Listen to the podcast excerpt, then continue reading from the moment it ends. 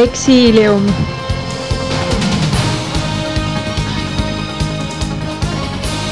Exílio.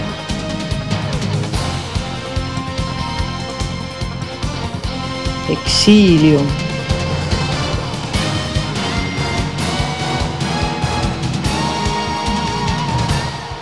Exílio.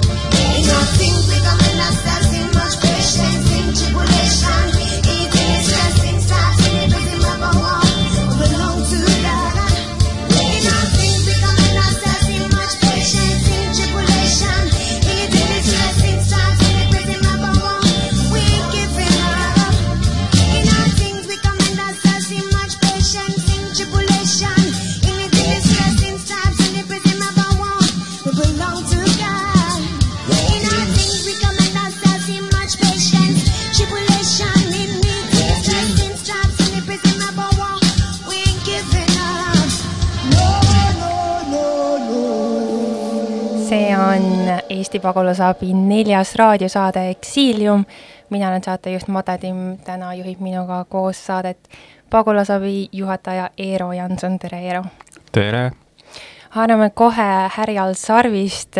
kes meil täna saates on ja millest me rääkima hakkame? tänane saade on meil, äh, räägime laiemalt humanitaarabi teemadel,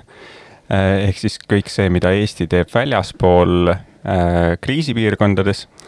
Äh, ja tänases saates on meil siin stuudios kohapeal Kadi, äh, Kadi Metsandi, Välisministeeriumi arengukoostöö ja humanitaarabi büroo juht äh, ning oma sõna saab ka siin MTÜ Mondo juhatuse liige Riina Kuusik-Rajasaar, kellega on siis intervjuu juba ette salvestatud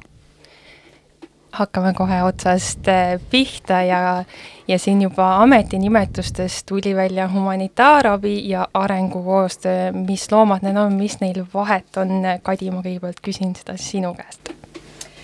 ja need on äh, natuke kaks eri looma, aga samas neil on äh, hästi tugev side. et humanitaarabi on siis eelkõige selline hästi operatiivne kriisipiirkondade abistamine, et päästa inimelusid. näiteks kui kuskil äh, leiab aset relvakonflikt või looduskatastroof, äh, siis äh, ÜRO humanitaarabiorganisatsioonid äh, teevad sellise nii-öelda vajaduste analüüsi ja ruttavad ka kohe koha peale ja siis riigid, kellel on ka nii-öelda oma tiimid, need siis saadetakse ka appi. ja arengukoostöö on selline pikem protsess, et kindlasti mäletate, kuidas Eesti riiki üheksakümnendate alguses taas üles ehitati, et noh, täpselt samamoodi olid siis meil abis teised riigid ja, ja ka ÜRO äh, organisatsioonid, et reformida ja teha eestlaste elu paremaks. nii et arengukoostöö on selline pika vinnaga asi ja, ja humanitaarabi on selline kiire reageerimine, et päästa inimelusid. ja ma samas lisaksin siia kõrvale, et see et ka humanitaarabi andmine võib teinekord toimuda üsnagi pika vinnaga, sest äh, relvakonfliktid keskmiselt on ikkagi veninud äh, maailmas juba niimoodi rohkem kui kümme aastat äh, pikaks, mis tähendab seda, et, et vajadused sageli ei kao, inimesed on aina pikaajalisemates, pikaajalisemas paguluses, mis tähendab seda, et, et Eh, ka need pagulaslaagrid, mis näiteks, kuhu inimesed majutatakse või ka kui nad elavad linnades tavalistes oludes, et tegelikult nad on pagulased väga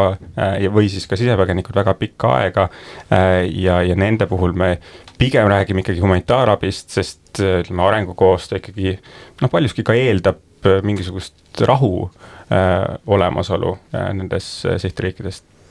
Ja, ja ma võin siia juurde lisada just, et äh, kõik on õige, mida Eero ütles, et äh, et praegu on tegelikult kogu humanitaarabi ja, ja arengukoostöö sellise globaalse süsteemi suur väljakutse see, et, et kuidas minna üle arengu äh,, vabandust, humanitaarabilt arengukoostööle, teinekord antakse kiirelt äh, abi ära, aga siis, ja tundub, et riik hakkab juba nii-öelda ennast üles ehitama, aga siis täpselt, et see konflikt tuleb jälle tagasi ja noh, meil on Süüria äh, regionaalne kriis, on ju, konflikt äh,, väga hea näide ja samamoodi meil väga lähedal Ukraina, et äh, pagulasabi ju äh, teeb äh, päris palju projekte Ida-Ukrainas, kus tõesti on humanitaarabi, ma ei tea, juba mitu aastat jah, et ma arvan, et, noh, tegelikult seda saabki vaadata sellise spektrina pigem, kus ühel otsa, ühes otsas on selline humanitaarabi, selline ühekordne toidupakk näiteks, mis on niimoodi kohesel samal päeval või järgmisel päeval, kui kriis on tekkinud, antakse siis sellele inimesele, kes seda vajab, üle. Äh, ja teises otsas on siis see arengukoostöö oma selliste väga äh, pikaajaliste eesmärkidega, mis ühe, ehitavad üles selliseid õigusriiki ja, ja korruptsioonivabasid äh, riigisüsteeme ja ühiskondi. Ja tegelikult paljuski need asjad, mida meie ka näiteks pagulasabis teeme, on ühtepidi sellised seal humanitaarabi otsas, näiteks Ida-Ukrainas tõesti ikka veel toidupakid ja hügieenitarvikud väga selle rinde lähedal. ka Liibanonis Beiruti plahvatuse järel selgelt selline humanitaarabi olukord. ja, ja samas seal kuskil seal vahe, nende kahe äärmuse vahepeal hallis asa, alas on ka sellised ütleme, pagulasolukorrad, mis võib-olla on juba kümme aastat vanad, nagu Süüria puhul ja, ja samas enam ei ole otstarbekas anda seda kala või noh, seda toitu, vaid on, luua siis neid võimalusi, et kuidas inimesed ikkagi ka selles väga äh, keerulises äh,, pikale venivas olukorras saavad ikkagi iseennast aidata ja anda pigem see äh, õng, nii et jah, et see see, et, et mis täpselt on humanitaarabi, mis täpselt on arengukoostöö, teinekord on selline ujuv, natukene hägune piir seal vahel. ja praeguses maailmas üha rohkem. et see on väga suur väljakutse, kuidas neid kahte valdkonda sidustada, ma räägin võib-olla ka veel riigi seisukohalt, et äh, meil õnneks äh, Välisministeeriumis äh, on kõik üks kamp, et aga suurtel doonoritel on suureks väljakutseks see, et neil on humanitaarabi inimesed on täiesti eraldi nad ei räägi omavahel arengukoostöö inimestega ja noh, kui sa ei räägi selle teise inimesega, siis sa tegelikult ei saa ka aru, et mis on need vajadused. aga õnneks, ma ütlen oi õnneks, et äh, asjad on läinud paremaks, sest see teema just nimelt, et mis on see hall ala arengukoostöö humanitaarabi vahel, on äh, väljakutse juba, ma ei tea, laual kümme aastat, ma ütleks küll, ja, ja tegelikult ikkagi see ÜRO protsess äh, liigub ka õiges suunas ja, ja doonorid on aru saanud, et on vaja sellist halli tsooni ka rahastada, et muidu lihtsalt ei ole sellest abist lõpuks kasu. Kes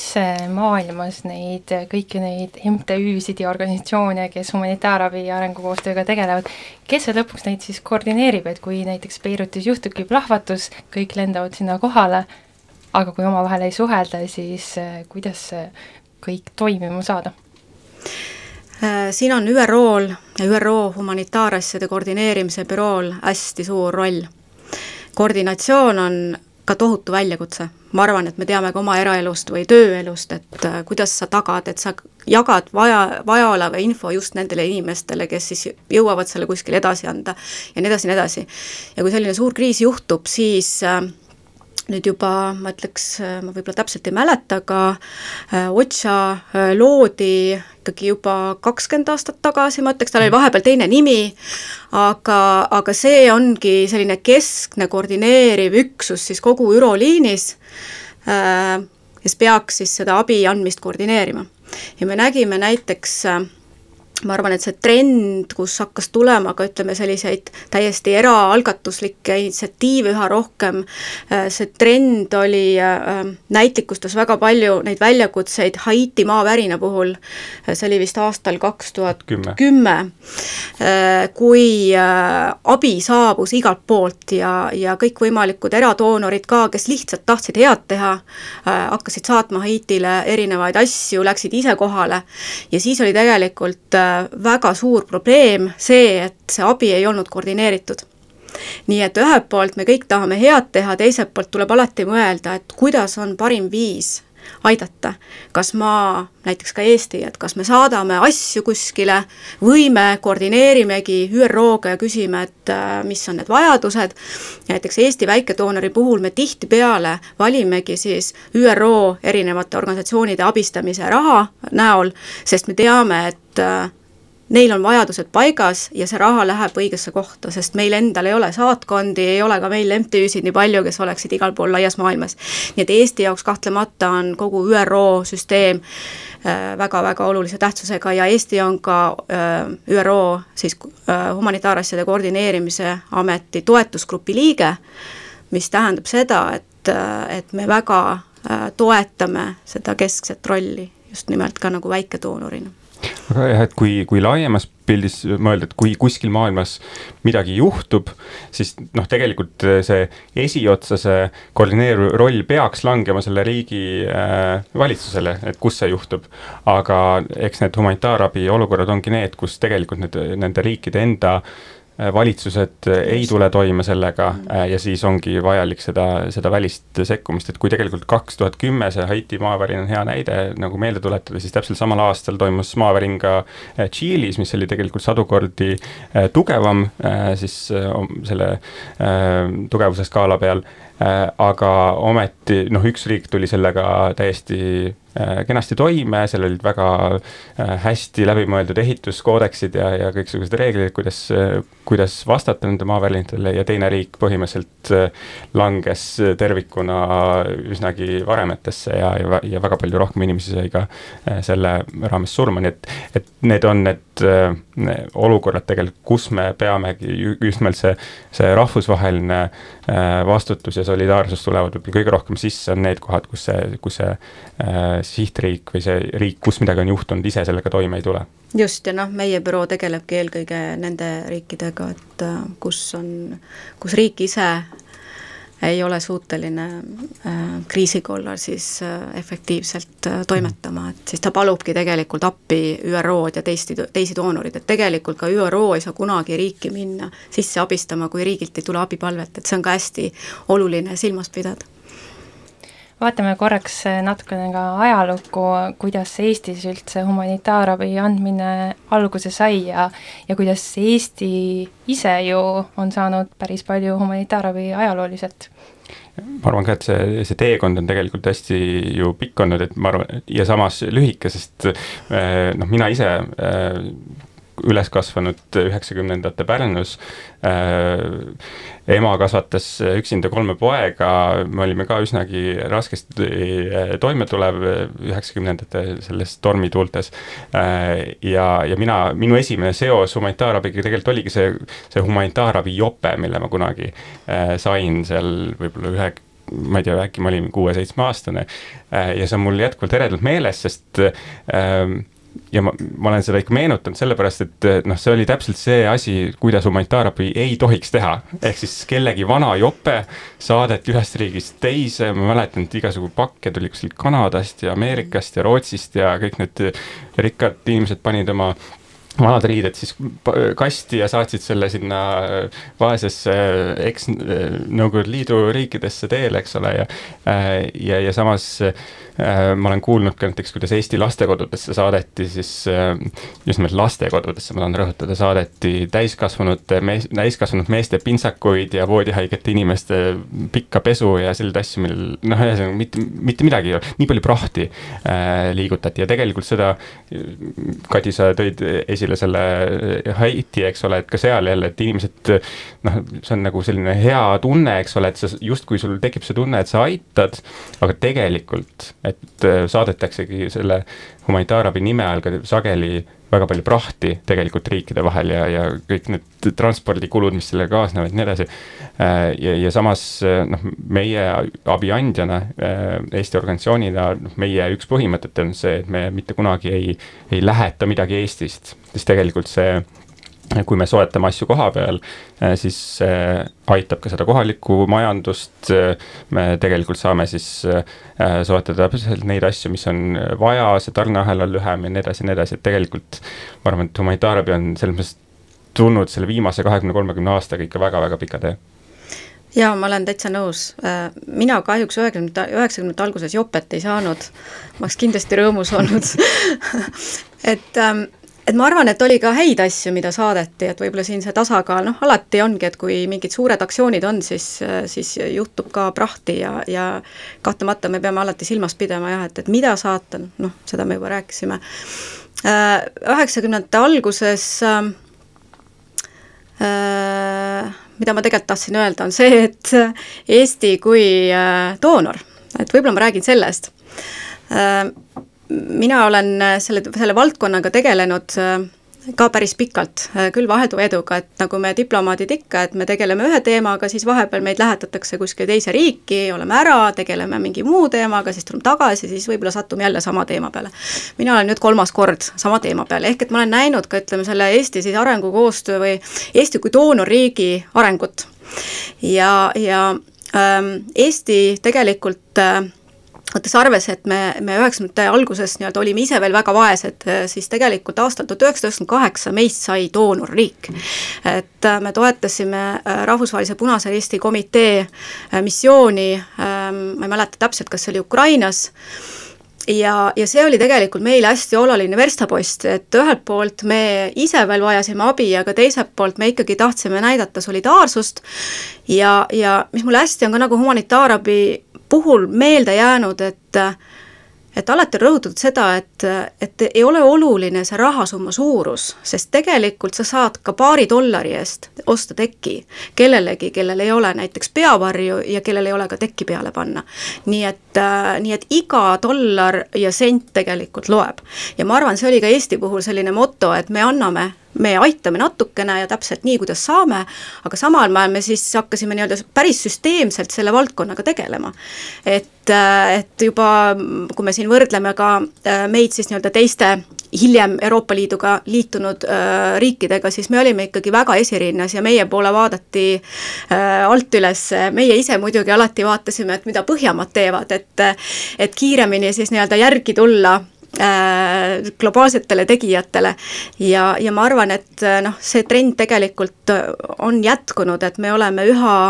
üha professionaalseks, professionaalsemaks muutunud, meil on Eestis ka palju häid või noh, võiks olla alati rohkem, häid MTÜ-sid, kes tegelevad selle valdkonnaga ja, ja ma arvan, et see on midagi, mida tegelikult noh, kõik, kes siin ka raadiot kuulavad,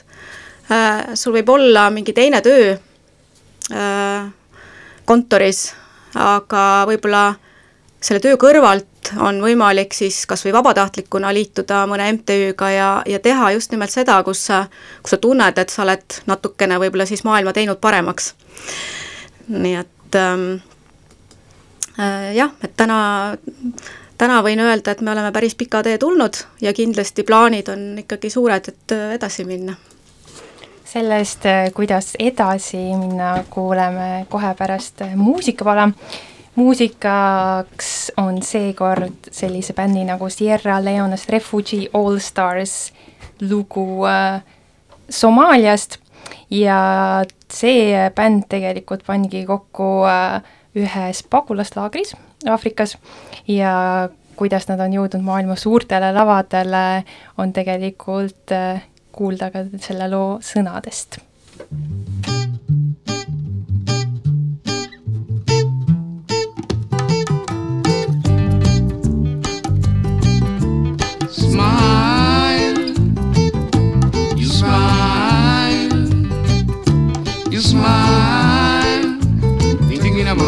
positive changes. We need some positive changes. Thinking about some positive.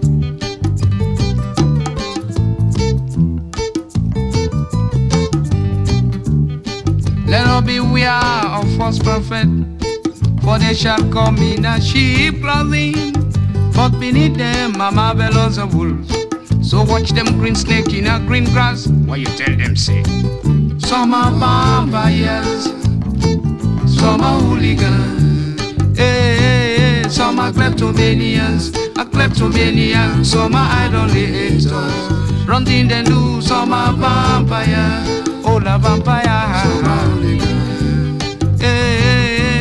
are kleptomanians, a kleptomanian, some are idolaters. Smile, you smile, you smile thinking about some positive changes. We need some positive changes. We're thinking about some positive.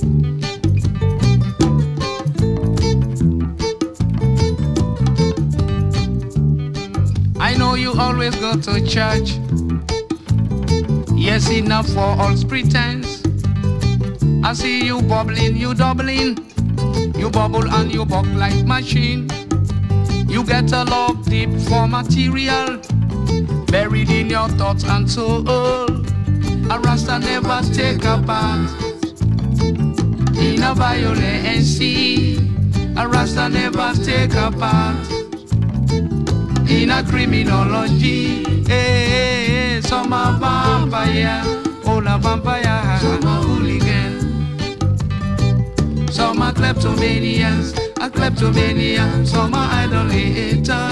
running the news, some are vampires, all are vampires, some are hooligan,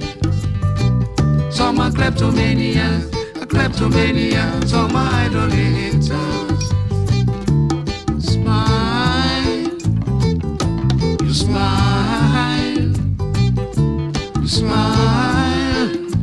Been thinking about some positive change. kuulame vahepeal ära intervjuu, käisin eile külas MTÜ Mondo juhatuse liikmel Riina Kuusik-Rajasaarel, kellega rääkisime nende tegemisest ja millega tegeleb üldse Mondo ja miks see on oluline. Riina, sina oled nii Eesti Pagulasabi kui ka MTÜ Mondo asutajaliige, aga täna keskendume Mondole. miks otsustati peaaegu neliteist aastat tagasi selline organisatsioon nagu Mondo Eestis üldse luua? tere! no siis tuleb tõesti minna neliteist aastat või peaaegu kauem aega tagasi ja, ja mõelda sellele ajale, kus ähm, Eestis ei olnud ühtegi humanitaarabi ega arengukoostööga tegelevat organisatsiooni. Küll oli aga minul üks hea selline sõprus ja, ja erialaseltskond, kes ähm, olid kõik eestlased ja, ja tundsid, et oleks hästi tore luua selline organisatsioon, kes siis ka nii-öelda selle, nendes valdkondades tegutseb. ja just nimelt seetõttu, et akadeemiliselt, kui seal ähm, kahe tuhande ja seitsmendal aastal oli juba Eesti äh, arenguabi andmas ja, ja erinevad, erinevatel moodi, moel oli ka juba humanitaarabi antud äh, erinevatesse kohtadesse, siis tegelikult sellist süstemaatilisemat arenguabi ja humanitaarabi organisatsiooni veel ei olnud. Ehm, küll oli jah, meenutan, et siis oli juba tükk aega Eesti pagulasabi ähm, eksisteerinud, aga tol ajal oli Eesti pagulasabi ainult nii-öelda asüülitaotlejate teemale suunatud ja just tegeles sellega, et Eesti juristidel ja Eesti ähm, siiapoole tulevatel asüülitaotlejatel oleks siis õiguslik äh, kaitse olemas. küll neid inimesi oli suhteliselt vähe tol ajal, et, et ajad on tõesti muutunud aga jah, tõepoolest, et siis, siis sai see loodud kaheteist, kolmeteist äh, inimese sellisel suurel entusiasmil ja ja, ja nüüd äh, on meil organisatsioon kasvanud ja jäänud selle kahe suure suuna äh, nii-öelda praktiliseks eestvedajaks ja siin Eestis siis toimetame ka nende samade teemadega, küll sellisel teavituse ja, ja globaal- ja maailmahariduse suunal. no sellest ajast on ikka väga palju vett merre voolanud. mis on need äh, kõige suuremad muutused äh, võrreldes sellest ajast, kui te siis istusite selle sõpruskonnaga sinna laua taha ja hakkasite asja arendama, kuni siis praeguse päevani, kui võtta lahti teie kodulehekülg ja vaadata, et et te ikkagi toimetate väga paljudes riikides, pluss Eestimaa koolides ja mida kõike veel jah, see kasv on olnud muidugi märkimisväärne nii meie projektide mahu, äh, arvu kui ka riikide suunal, kus me tegutseme, aga eks meie põhimõtted ja väärtused on ikkagi jäänud samaks, mis tähendab seda, et me soovime, et maailm oleks võrdsem ja, ja inimväärsem paik kõigile elad, elamiseks, et äh, ebavõrdsust oleks vähem, et äh, kõige sellised raskemas olukorras või kõige haavatavamad kogukonnad maailmas ei jääks tähelepanuta. Ja ma arvan, et see selline noh, nii-öelda mõttemaailm, et see on, meil on võimalus äh, abi anda ja meil on ka kohustus selleks, on, on, on saanud nüüd, nüüd sellise praktilise väljundi ja mul on hästi hea meel, et selle, nende aastate jooksul on muutunud ka selline nii poliitiline kui ka juriidiline raamistik, et tol ajal olid aastatuhande eesmärgid, mis olid suunatud ainult arengumaade äh, nii-öelda äh,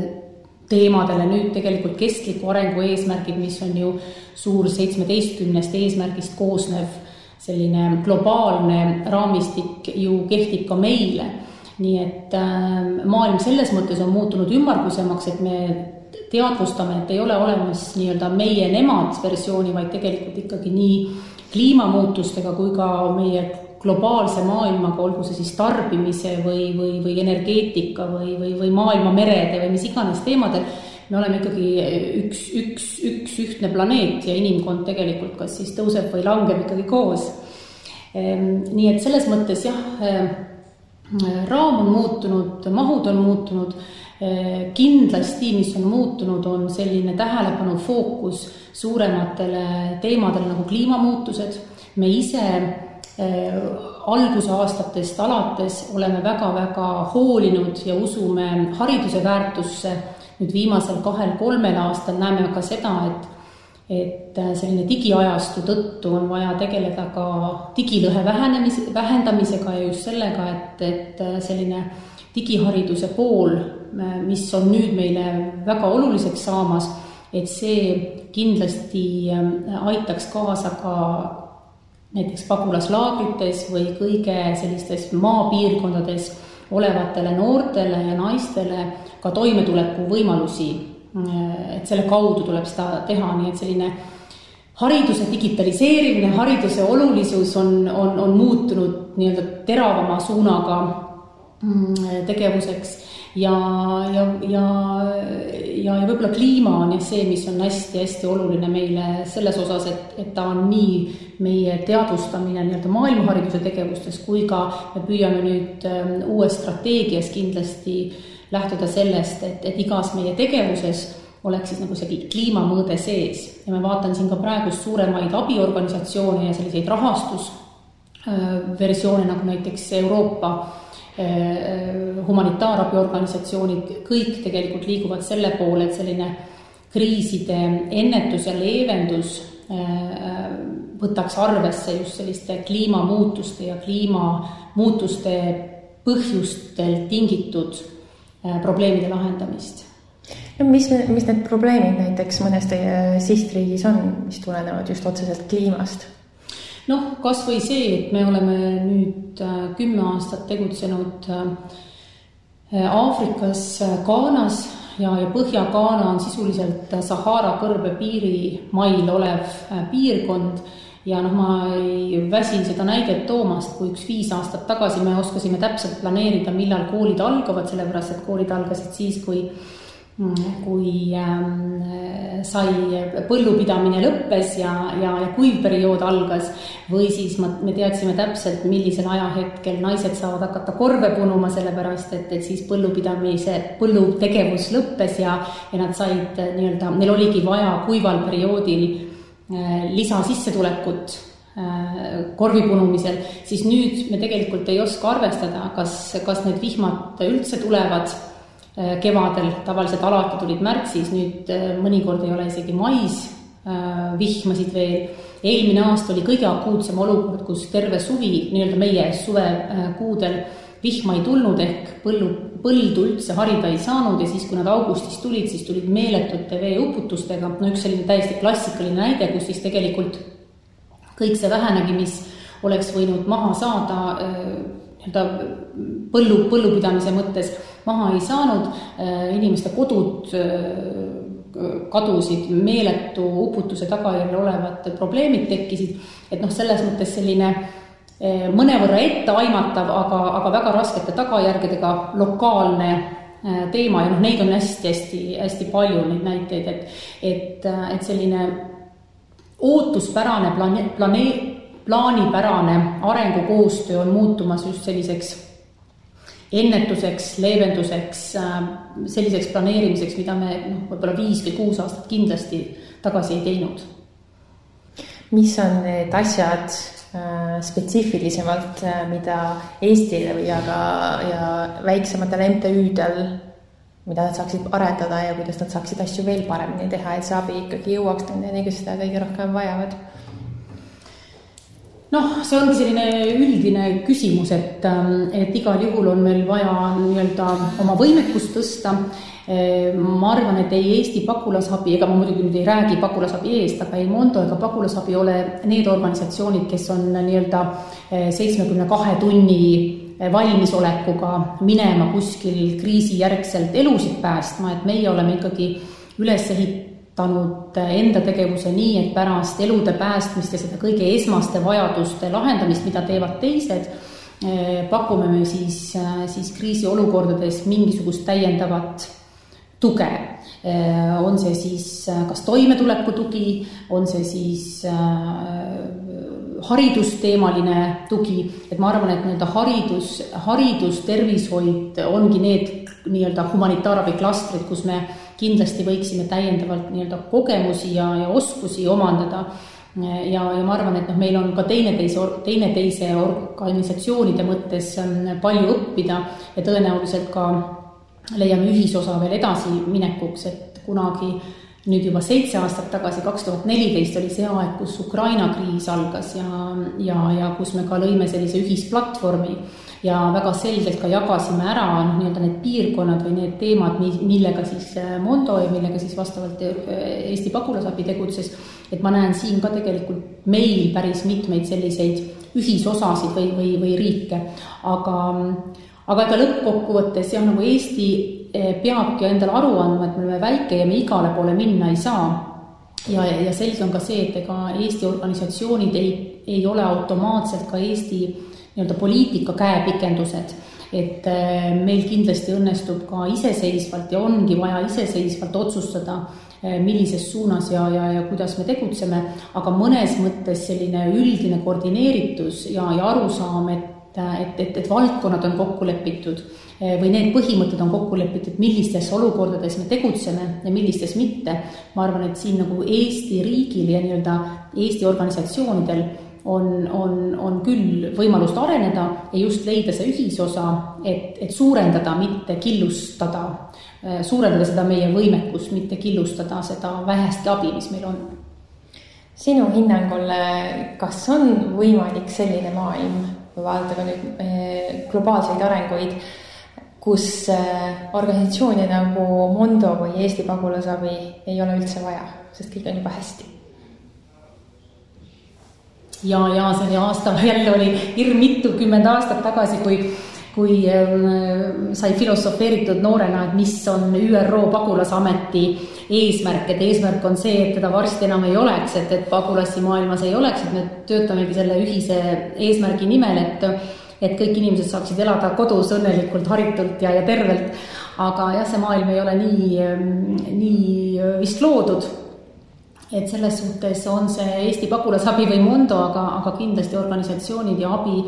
abiorganisatsioonid jätkavad oma tööd, oluline meil on tõdeda seda, et, et õppida nendest võimalikest vigadest, mida igasugune töö, mida sa palju ja kiirelt ja, ja intensiivselt teed, et, et, et, et osata näha neid võimalusi nii-öelda areneda ja muutuda. Ja, ja jah, ma arvan, et Eimondo plaanib küll praegu oma uues strateegias jätkata, jätkata. meie, meil on just praegu selline küsimus, et kas, kui, kuivõrd me peaksime kasvama ja kuivõrd me peaksime jääma oma sellele praktilise poole peale, kus me tunneme oma kogukondasid ja teame väga, väga hästi oma kohalikke partnereid Ehm, võrrelduna siis sellega, et me teeme suuri, suuri, suuri, väga suuri projekte, kus me võib-olla ainult koordineerime ja tegelikult sellele sihtrühmani üldse ei jõuagi, et me praegust tunneme oma väärtust selles, et me teame neid naisi, neid pagulasnoori, neid lapsi, eh, neid konkreetseid partnereid erinevas kümnes riigis, kellega me tööd teeme, aga, aga juhul, kui ikkagi organisatsioonid kasvavad, siis seda võimalust või seda enam ei ole.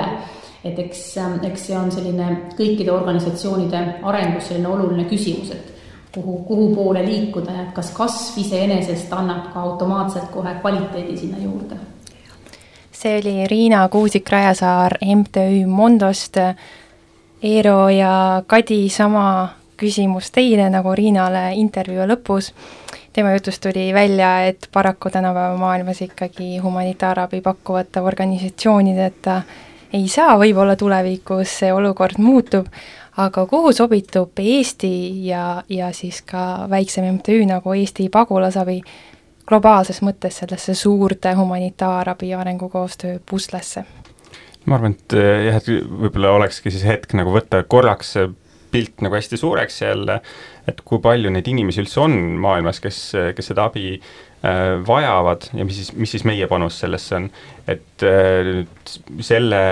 aastal, kaks tuhat kakskümmend üks aastal siis ÜRO on hinnanud, et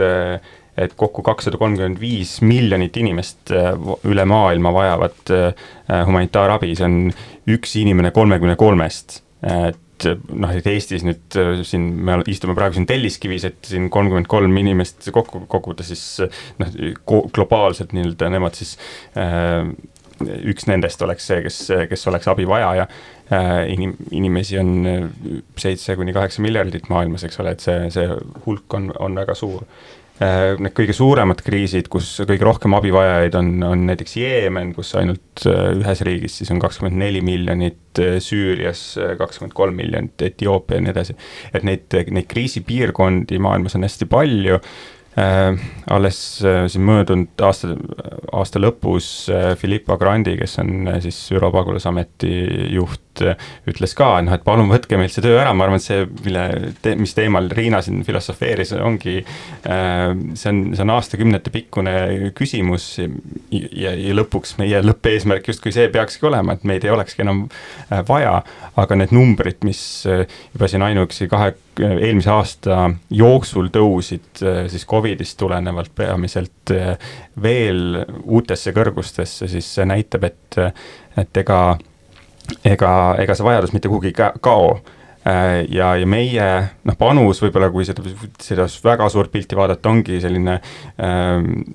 see veetilk seal suures vannis, aga ma arvan, et see nagu Kadi Kenne siin ütles, et noh, et iga euro on tegelikult vajalik selles selleks, et neid neid äh, kriise siis leevendada, neid inimelusid päästa, et nende äh, inimväärikust äh, hoida, kes, sest tegelikult lõppkokkuvõttes ju meie oot- või see, millest me lähtume oma tegevuses, on ju kõik see, et mida me ka ise ootaksime, kui me ise oleksime samasuguses olukorras. Kadi jah, ma nõustun kõigega, mis Eero ütles et äh, vajadused on tohutult kasvanud ja tegelikult eelmisel aastal me nägime, et äh, me kõik, kõik riigid üle ilma tegelikult oleme Covidi küüsis. ja, ja ähm, tekkis tegelikult ka suur probleem abistamise osas, et äh, paljudes riikides, arenenud riikides oli keeruline tegelikult seletada, et äh, miks me endiselt siis äh, peame aitama neid, kes on meist halvemas olukorras, ütleme siis äh, arengu arenguriike, kui ka oma riigis on, on inimesed suremas, tervishoiusektor on on täiesti ületanud võimekuse piirid ja nii edasi ja nii edasi. Õnneks ma pean ütlema, et noh, ikkagi kõik riigid, kes on senini andnud abi, nad jätkasid abistamist ja samamoodi Eesti. et kevadel, mida meie tegime hästi kiirelt, noh, abipalveid oli ju nii arenenud riikidest kui arenguriikidest, et kõik oli üks suur kriisistaap Välisministeeriumis. ja, ja äh, kuna ka ütleme, paljusid äh, projekte ei olnud võimalik ellu viia, siis me äh, võtsimegi sihikule äh, selle uue mooduse, et vaadata, kuidas siis läbi digi ja selliste innovatiivsete erasektori lahenduste me saame äh, arenguriike aidata. Ja, ja meie siis nii-öelda välja kuulutatud piiratud voorus me just nimelt julgustasime siis MTÜ-sid ja Eesti erasektorit koos välja tulema projekti ideedega, äh, sest, sest ühelt poolt Eesti MTÜ-del on juba kohalikud partnerid olemas keda äh, siis võib-olla Eesti erasektori esindajatel ei ole, aga erasektoril on selline hea innovatiivne lahendus, et me räägime siin näiteks haridusest, äh, või tervishoiust, äh, kus, kus siis tegelikult me suutsime aidata näiteks Keeniat ja Ghanat, Ukrainat, Gruusiat, ilma, et siis Eestist oleks pidanud keegi ekstra kohale lendama, et just nimelt see digi, digi aitas päris palju ja, ja eks, eks nüüd noh, ongi Covidi tõttu, nagu ma ütlesin, vajadused on hästi-hästi suured, me peame abistamisel mõtlema ka seda, et, et kuidas nii-öelda nüüd ehitada üles veelgi parem äh, süsteem, olgu see siis tervishoid või, või näiteks, et kuidas tehagi see arenguhüpe, äh, mis puudutab äh, siis haridussektorit, et äh, noh, taolisi pandeemiaid ma arvan, et kindlasti maailmas tuleb veel, et kuidas siis kõik riigid oleksid selleks valmis, nii arenenud riigid, Eesti ja teised suured või väiksemad, kui ka siis arenguriigid, et see kriis praegu annab ka sellise uue mõtlemise ja võib-olla ka siis uuemate uut laadi projektide äh, rakendamise võimaluse kui selle digiteema juurde tagasi tulla, kas äh, digitaalseid oskuseid võib lugeda juba üheks äh, humanitaarabiks, et kui enamasti öelda humanitaarabi, siis sul kerkib silme ette kotitäied süüa või talveriided, aga kas need digioskused tänapäeva maailmas on midagi, mis võiksid siis anda nii-öelda selle kala või on see ikkagi veel õnge rollis? Mina ütleks, et äh, digioskused on ikkagi ähm, noh, ta annab, äh, ta, ta võimestab nii-öelda siis äh, arenguriikides noori, vanu lapsi selleks, et nad läbi oma siis omandatud digioskuste suudaksid üles ehitada parema elu, kui võib-olla nende vanematel oli et Eesti, ma ütlekski, noh, kui siin enne oli küsimus, et mis on see meie lisandväärtus või nišš, et äh, me oleme näinud, et väga edukalt äh, on Mondol käima läinud digioskuste projekt ja, ja me pakume, ütleme, me, me otsime või aitame otsida siis ka teisi koostööpartnereid äh, kuhu saaks just nimelt siis juurde lisada selle Eesti digioskuste väikse komponendi, et et praegu on hästi oluline ka silmas pidada, et noh, Eesti üksi ei suuda maailma muuta, aga äh, me suudame teha koostöös teistes teist rahvusvaheliste organisatsioonidega, tegelikult kogu selle abi andmise mõju on ka palju suurem. nii et äh, see on, see on üks oluline, oluline punkt, mis ma tahaksin välja tuua. muidugi selle digi Äh, kont-, no ütleme, kui me vaatame seda laiemalt, seda nii-öelda arenguriike või kriisiriike, et kus kohas arengukoostööd ja humanitaarabi antakse, siis no üks asi, mis seal just selle digivaldkonnas iseloomustab, on see tohutu digilõhe, mis on globaalne, et, et sul on väga suured käärid ikkagi selle vahel, et kellel on olemas ligipääs arvutile, mobiiltelefonil, kellel on ligipääs internetile. Äh, või üldse võrgule siis laiemal, laiemas pildis. et see digilõhe ületamine kindlasti saab olla üks sellisem pikaajalisi eesmärke arengukoostööd, töös äh, ja samas Äh, me ju teame ka, et see äh, digilõhel on ka väga tugev sooline komponent, ehk siis tegelikult äh, kui me vaatame kogu globaalset pilti, siis meestel on üldiselt parem ligipääs internetile, neil on suurema tõenäosusega olemas mobiiltelefon, millega seda kasutada. ja samas ütleme, ma arvan, et ühtepidi digilahendustel on hästi suur roll mängida ka ütleme üldse selle äh, abi efektiivsemaks muutmisega, ehk siis, et, et äh, big data analüüsid, jälgida migratsiooni äh, liikumist äh,, ennustada seda paremini ette ennustada ette, et kus kohas võib näiteks üleujutus, maavärin, nii edasi, nii edasi tekkida, et need on kõik ju sellised äh, asjad, mida, mida annab äh, ette ennustada, paremini äh, siis ka kriise tegelikult ennetada, mitte ainult tagajärgedele vastata ja, ja teistpidi eh, digi toob oma riskid jälle kaasa, andmekaitse, isikuandmete kaitse, mis, et kohe, kui sul on kuskil ma ei tea, pagulaslaagris näiteks mõni andmebaas eh, lekib, eh, siis see võib olla tegelikult väga vahetu oht sellele inimesele, kelle kohta need andmed lekivad, sest see on ikkagi väga delikaatsed isikuandmed, mida, mida käideldakse ja, ja hoitakse ja selle vastu võib olla huvi ka erinevatel terroriorganisatsioonidel või repressiivsetel valitsustel, nii et et see digi on noh, ta ei ole ka selline noh, selline one size fits all, et ta on nüüd äh, lahendus maailma kõigile muredele, ta on kindlasti hea meetod või vahend, mida kasutada teatud murede äh, lahendamiseks, kui me oleme ka need riskid muidugi läbi mõelnud. ja ma võib-olla siin võin lisada, et et ma olen äh, taas noh, kõigega, kõigega nõus, et siin on omad riskid ja ja, ja samas äh, ka siin äh, Eesti on ise ju läbi elanud kõige esimese küberrünnaku maailmas, et meil tegelikult on ka kõik, mis puudutab sellist kübervõimekuse tõstmist, hästi oluline ähm, oluline asjatundmus ja, ja mitmed ÜRO organisatsioonid tegelikult on seda ka märganud. nii et mida Eesti teeb praegu, et me tegelikult väga palju suhtleme just nimelt ka UNHCR-iga ehk siis pagulasametiga ja, ja saatsime äh, pagulasametisse siis innovatsi-, innovatsioonitiimi appi ka Eesti rahvusliku eksperdi, äh, ta alustas selle nädala esmaspäeval ja just nimelt aitabki siis nii-öelda UNHCR-il kaardistada ja, ja minimeerida siis ähm, äh, neid, neid riske, mis on seotud äh, ka ütleme, organisatsiooni sees kogu siis digipöörde läbitegemisega, et äh, ühelt poolt jah, digi teeb kõike efektiivsemaks, samas peab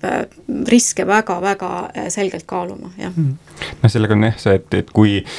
kui sul on nüüd haamer olemas, siis kõik asjad võivad hakata tunduma naeltena ja siis noh, et, et see äh, jah, see fookus ei tohi jah sealt ära kaduda, aga ütleme me, näiteks meie praegu viime ellu ühte Ukraina, Ida-Ukrainas ühte äh, projekti, millega me siis võimestame äh, naisi äh, siis ettevõtlusega alustama äh,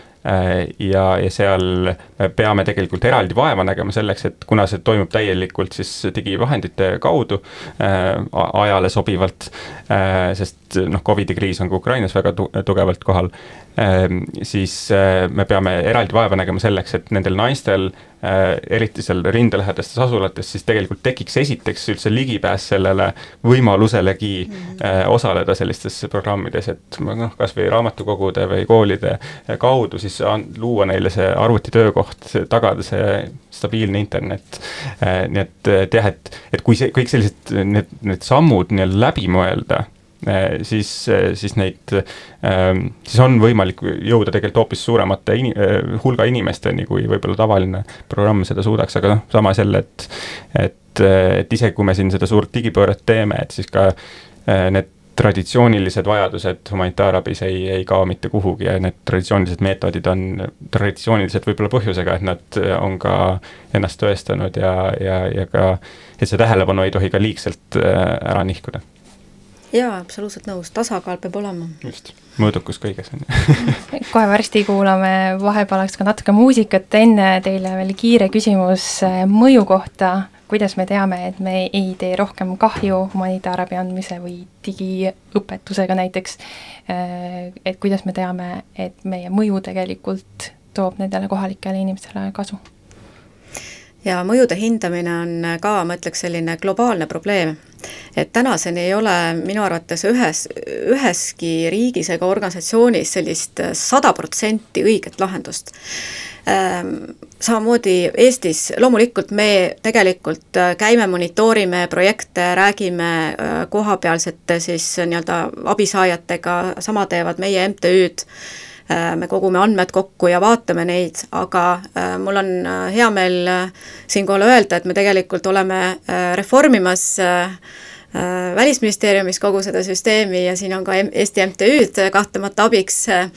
et praegu töötame välja uut sellist mõjude hindamise raamistikku, mis, mis tegelikult siis edaspidi peaks andma veelgi parema pildi meile, kuidas Eesti projektid, millist mõju nad koha peal avaldavad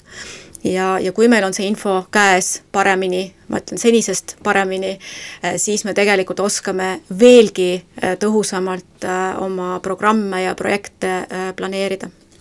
tegelikult üks äh, humanitaarabi peamistest printsiipidest on äh,, inglise keeles öeldakse siis do no harm ehk siis ära tee kahju äh,. ja, ja noh, ütleme humanitaarabi valdkond on ka pidevas õppimises ja neid näiteid, kus see kahju on sündinud, äh, on, on, on ka ja tegelikult jah, need, kõik need riskid tuleb väga varakult jälle läbi mõelda, et, et igasugune et kui me kuskil äh, näiteks viime ellu mõne naiste võimestamise programmi, et siis samal ajal see tekitaks hoopis koduvägivalda näiteks seal sinna kõrvale, et noh, et tegelikult neid, neid riske Äh, on, on äh, igal sammul, mida tuleb siis ka maandada selleks, et tegelikult siis jõuda selle, selle, selle mõjuni, äh, selle pikaajalise muutuseni, mida me ootame sealt nendelt oma tegevustest, ega me ühtegi projekti ega programmi ei võta ette ju lihtsalt selleks, et midagi teha, vaid me ikkagi, mhm. meil on see, see silmad sellel pallil, kuhu me tahame jõuda. Kuulame vahepeal natukene muusikat, see on Ghanas samuti keerulistes tingimustes üles kasvanud laulja nimega Kwame Eugene ja lugu on Angela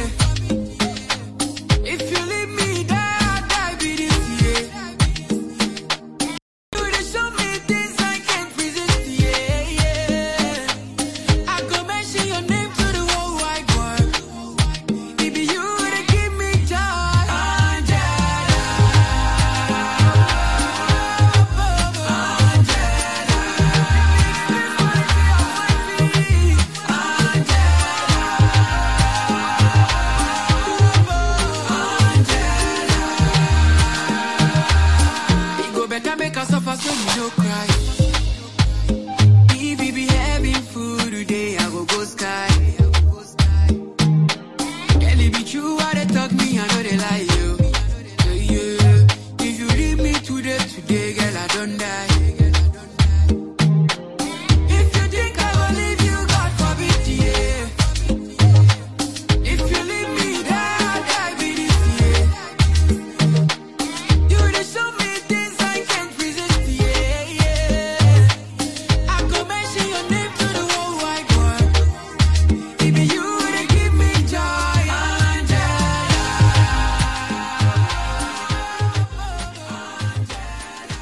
tere tulemast tagasi kuulama Eksiiliumi saadet. meil on saate lõpuni jäänud veel täpselt viis minutit, mille jooksul rääkida tulevikust. milline on Eesti roll maailma mõistes siis äh, humanitaarabi kontekstis ja arengukoostöö kontekstis, kas me saame teha midagi paremini ja kuhu see suundumus võiks üldse minna, Kadi? no alati saab asju paremini teha, aga ma ütleks, et äh, tundub äh, nii, et äh, kuna need vajadused vist ikka ära ei kao, et ju siis on meid ikka vaja. ja ma arvan, et tulevikus Eesti on selline abistaja, kes, kes vaatabki, et meie abi jõuaks täpselt sinna, kus, kus seda kõige rohkem on vaja. see on ka printsiip, mida me ju praegu tegelikult järgime aga võib-olla, et tulevikus on siis Eestil äh, võib-olla veel mõni MTÜ juures ja, ja meil on selline, me oleme sellised, äh, sellised targad ja, ja, ja, ja niisugused äh, clever ja tark pisike doonor, kes kes globaalsel tasandil räägib ka kaasa, noh, ÜRO-s on ju igal riigil üks hääl, on ju,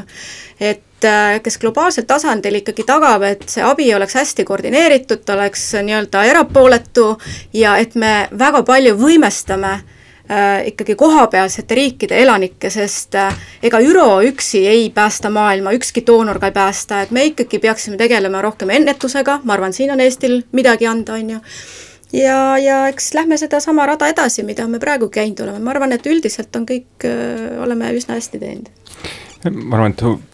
sellele kirjutan väga hästi alla, aga, aga ütleme, humanitaarabiorganisatsiooni äh, prillid pähe pannes, siis äh, äh ka see, see väike äh, ja tark on võib-olla need äh, märksõnad, mis samas äh, tähendavad ka seda, et me suudame olla äh, paindlikud, reageerida võrdlemisi kiiresti, noh nagu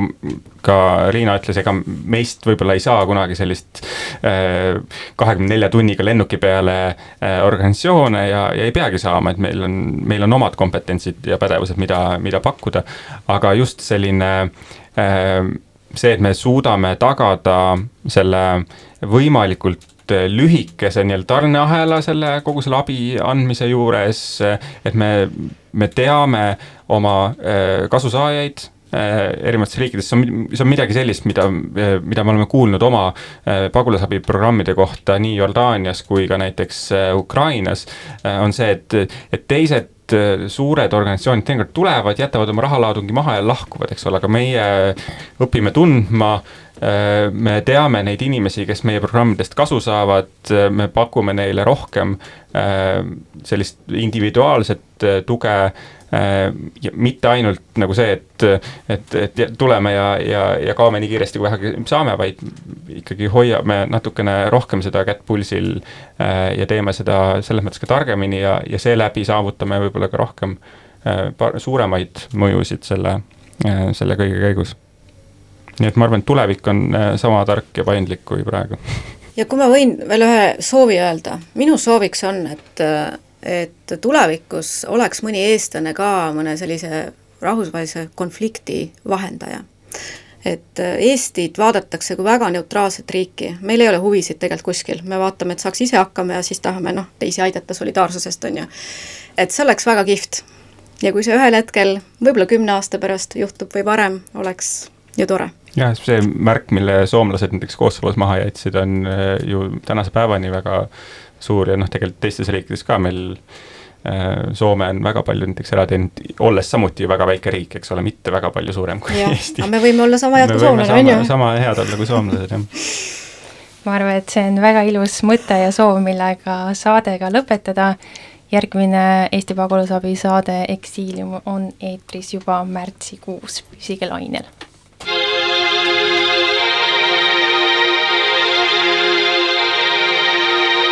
tere!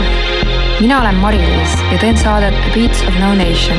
kui sulle meeldib, mida Ida Raadio teeb, siis palun hakka annetajaks, vajutades kodukal nuppu Toeta